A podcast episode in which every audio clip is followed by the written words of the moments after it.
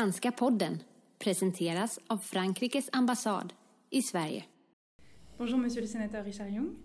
Bonjour. Merci de votre présence en Suède et merci de participer au podcast de l'ambassade de France en Suède, Franska podden. Tout d'abord, est-ce que vous pouvez vous présenter? Oui, bien sûr, euh, avec plaisir. Merci de m'interviewer. Euh, je suis donc un des euh, 12 sénateurs des, représentant les Français établis hors de France. Euh, nous sommes entre 3 millions et demi et 4 millions, euh, dont 1 million et demi enregistrés auprès des, consulats et des ambassades. Et euh, nous sommes comme des parlementaires euh, de, France métropolitaine chargés de représenter ces, Français au, Parlement, à, la deuxième chambre, car c'est la tradition du Sénat, de la deuxième chambre, de représenter les territoires et les Français de, de l'étranger. Et donc je viens ici dans le cadre de mon travail normal, qui est du travail de circonscription, comme on dit, c'est-à-dire je viens rencontrer les, les, co- là les communautés françaises dans différents pays, donc ici en Suède, pour parler avec elles, voir euh, qu'est-ce qui va, qu'est-ce qui ne va pas, et s'il y a des choses à faire. D'accord. Est-ce que vous pouvez euh, revenir sur votre parcours et sur ce qui vous a amené à exercer cette fonction aujourd'hui? Oui, ben, j'ai un parcours euh, qui m'a amené là parce que j'ai passé euh, d'abord mon enfance en Afrique, dans différents pays. Euh, mon père était fonctionnaire à l'époque euh, des, colonies et donc on changeait de pays tous les trois ans. Donc ça, ça donne déjà un petit, un petit arrière-goût Mm. de, de l'expatriation. Euh, j'ai vécu euh, longtemps euh, Sénégal, Madagascar. Ensuite, j'ai été en Angleterre, une partie de ma scolarité. Et euh, nous avons ensuite, dans, dans ma vie professionnelle, j'ai euh, beaucoup, euh, beaucoup voyagé. Je crois que nous avons vécu dans neuf pays différents pendant près de 35 ans. Donc tout ça fait quand même une certaine appétence pour l'expatriation. Et comme j'ai été engagé politiquement assez tôt, très tôt, auprès de Michel Rocard, en 68, vous vous rendez compte, ça, ça donne le vertige. Euh, eh bien, euh, un des sièges de, de sénateur des Français de l'étranger était, euh, était libre, comme on dit, enfin était ouvert à la compétition, et je me suis présenté. Voilà. Donc vous occupez ce poste depuis 2004. Ça va, D'accord. faire, ça va faire presque 18 ans, 17 ans que je suis sénateur. Il est, il est temps d'arrêter. Mais je voulais bien arrêter, mais l'élection qui devait avoir lieu au mois de septembre de cette année a été reportée Ouais. d'un an. Et c'est votre, euh, c'est votre premier voyage en Suède depuis 17 ans Non, de non, non, non. J'étais déjà venu. Je suis venu en tant que sénateur il y a, je crois, 5 ans. Et euh, auparavant, j'étais venu plusieurs fois euh, pour des raisons professionnelles euh, pour rencontrer le, le gouvernement suédois. Voilà. Non, non, je connais un, un petit peu. Enfin, je connais très superficiellement, puisque Mhm. Que Stockholm, c'est tout. Alors, est-ce que vous pouvez nous expliquer en quoi consiste euh, votre métier quotidiennement et plus particulièrement quels sont euh, vos sujets de prédilection et la raison spécifique de votre venue ici à Stockholm? Euh, notre travail est celui d'un parlementaire normal, c'est-à-dire que d'une part nous faisons, nous discutons les lois, les projets ou les propositions de loi selon, selon les cas, dans, l'hémicycle, hein, c'est ce l'image qu'on a du, Parlement, et euh, nous pouvons apporter des amendements, des changements à ces, propositions-là. Euh, ça, c'est le travail euh, législatif.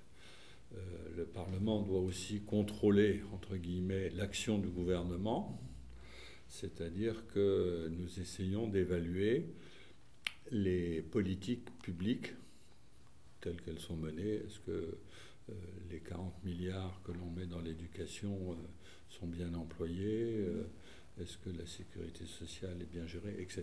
etc. C'est une partie assez, assez, très importante, mais assez, assez difficile. Et puis, il y a le travail de ce que j'appelais le travail de circonscription, c'est-à-dire qu'on va voir nos, nos mandants, en quelque sorte, pour voir, euh, parler avec eux et voir qu'est-ce qui va, qu'est-ce qui ne va pas, que- quelles sont les modifications qu'il faudrait apporter euh, à la gestion des Français à l'étranger, à la vie des consulats, ou à la législation européenne dans certains cas. Alors moi, je me suis beaucoup occupé de finances, puisque j'ai été six ans vice-président aux finances, donc beaucoup de budget, de fiscalité, etc. Je suis maintenant à la commission des affaires étrangères, euh, où nous discutons bien sûr des questions de politique euh, extérieure. Nous rencontrons euh, le ministre, nous le voyons ce soir par exemple à Paris, qui nous explique la politique qui mène ou que mène le gouvernement. J'ai d'autres sujets la propriété intellectuelle et industrielle. Euh, je m'occupe aussi des problèmes d'enfants euh, enlevés, entre guillemets, euh, dans le cadre de divorces de couples binationaux, mhm. où ça crée souvent des problèmes très douloureux. Je, pense au Japon en particulier. Et donc depuis d'assez nombreuses années, je, je bagarre sur, cette, sur ce sujet-là. D'accord. Dans quel cadre euh, visitez-vous la Suède en ce moment? Il n'y a pas de raison spécifique sur, la Suède, quoique je m'intéressais, je m'intéresse toujours d'ailleurs, à la façon dont la Suède a géré euh, la, pandémie du Covid, puisqu'on cite, on cite toujours la Suède comme un exemple, un modèle euh, pour avoir bien, bien géré cette, cette épidémie, cette pandémie. Euh, donc je voulais euh, me rendre compte moi-même. Donc ça, j'ai une certaine, euh, j'ai appris un certain nombre de choses.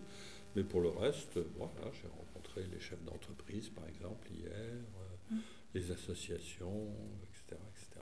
Voilà. Mais globalement, c'est une communauté qui a l'air plutôt heureuse. Oui. Dans quelle mesure l'ambassadeur et l'ambassade s'appuient sur votre travail de sénateur?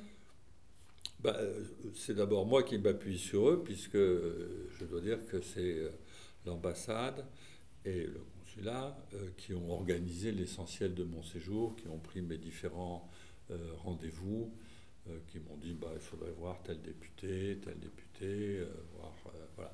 Donc ils m'aident beaucoup, puisqu'ils sont, ils connaissent bien la situation sur place. Et, parce que sinon, il faudrait que je fasse ce travail-là moi-même et je ne suis, pas, je suis pas équipé. Puis je ne peux pas le mhm. faire pour 90 euh, pays dans le monde. Mhm. Donc je m'appuie toujours sur euh, l'ambassade de France, le consulat de France qui, qui m'aide, euh, qui m'aide considérablement. Et en plus, de façon évidente, l'ambassadeur, le premier conseiller sont des gens qui sont très au fait de la politique nationale.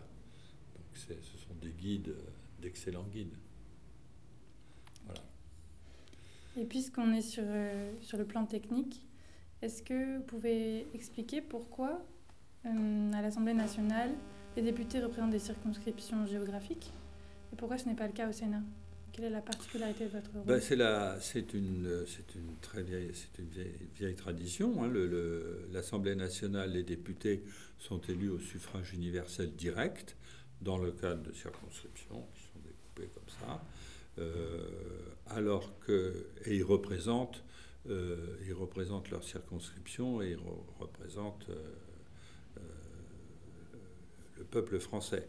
Le Sénat, c'est différent. Le Sénat, et c'est vrai pour les sénateurs élus en France métropolitaine, puisqu'ils sont élus par les, les maires et les, les, collectivités locales, parce que le Sénat représente les territoires il représente les, collectivités locales et il représente les Français de l'étranger. Alors c'est un peu moins vrai maintenant puisqu'il y a des, députés qui représentent les Français de l'étranger. Donc on est euh, mmh. euh, dans une situation un peu intermédiaire, mais la, grande différence c'est ça. L'Assemblée nationale représente le peuple, le, le, Sénat représente les territoires et les collectivités. À la veille de, votre départ. Est-ce que vous pouvez nous dire ce que vous avez pensé de la Suède? Quel est votre ressenti de votre séjour ici? Bah Écoutez, euh, bien sûr, les modèles ne sont pas transposables. Hein. On dit toujours, on vient voir, tout ça, mais évidemment, on ne va pas appliquer en France euh, le, ce qu'on appelle, entre guillemets, le modèle suédois ou, ou la façon dont les Suédois se sont organisés. D'abord parce que ce c'est le fruit de l'histoire. Mais je, vois, je vois avec beaucoup d'intérêt qu'ils ont un système politique suédois un système beaucoup plus décentralisé que le nôtre, où les communes ou les régions jouent un rôle beaucoup plus important que, que chez nous, disposent de ressources fiscales propres, peuvent prendre leurs décisions, et qu'au fond, le gouvernement central est un, un, gouvernement très léger, assez petit, un gouvernement d'incitation. Euh, d'orientation, mais pas de décision. Ce n'est pas le gouvernement. Alors qu'en France, ce sont les ministres, mhm. parfois même le président, qui décident de, à, peu près, à peu près tout. La taille des masques, le fait de savoir si l'élastique doit passer derrière l'oreille, ça, ça fait l'objet de grandes discussions. Bon, et euh, autre point qui me paraît important, c'est qu'il y a un consensus national fort ici, leur permet de faire face à ces différentes crises. Euh, alors que la France n'est pas un pays, euh, n'a pas une tradition de consensus. Nous avons au contraire une tradition d'affrontement mm. politique, à la fois dans les assemblées, mais un peu, un peu partout. Et euh, ça bavarde, ça bavarde, ça bavarde en permanence sur les chaînes de télévision, les réseaux, etc. Et tout ça aboutit évidemment à rien. Mais voilà, c'est comme ça là. Ici, on est plus efficace? Je pense, oui. oui. Je pense qu'ils perdent moins de temps, moins d'argent à blablater. D'accord. Merci beaucoup d'être euh, venu. Merci, beaucoup d'avoir participé à notre podcast. C'est un bon retour en France.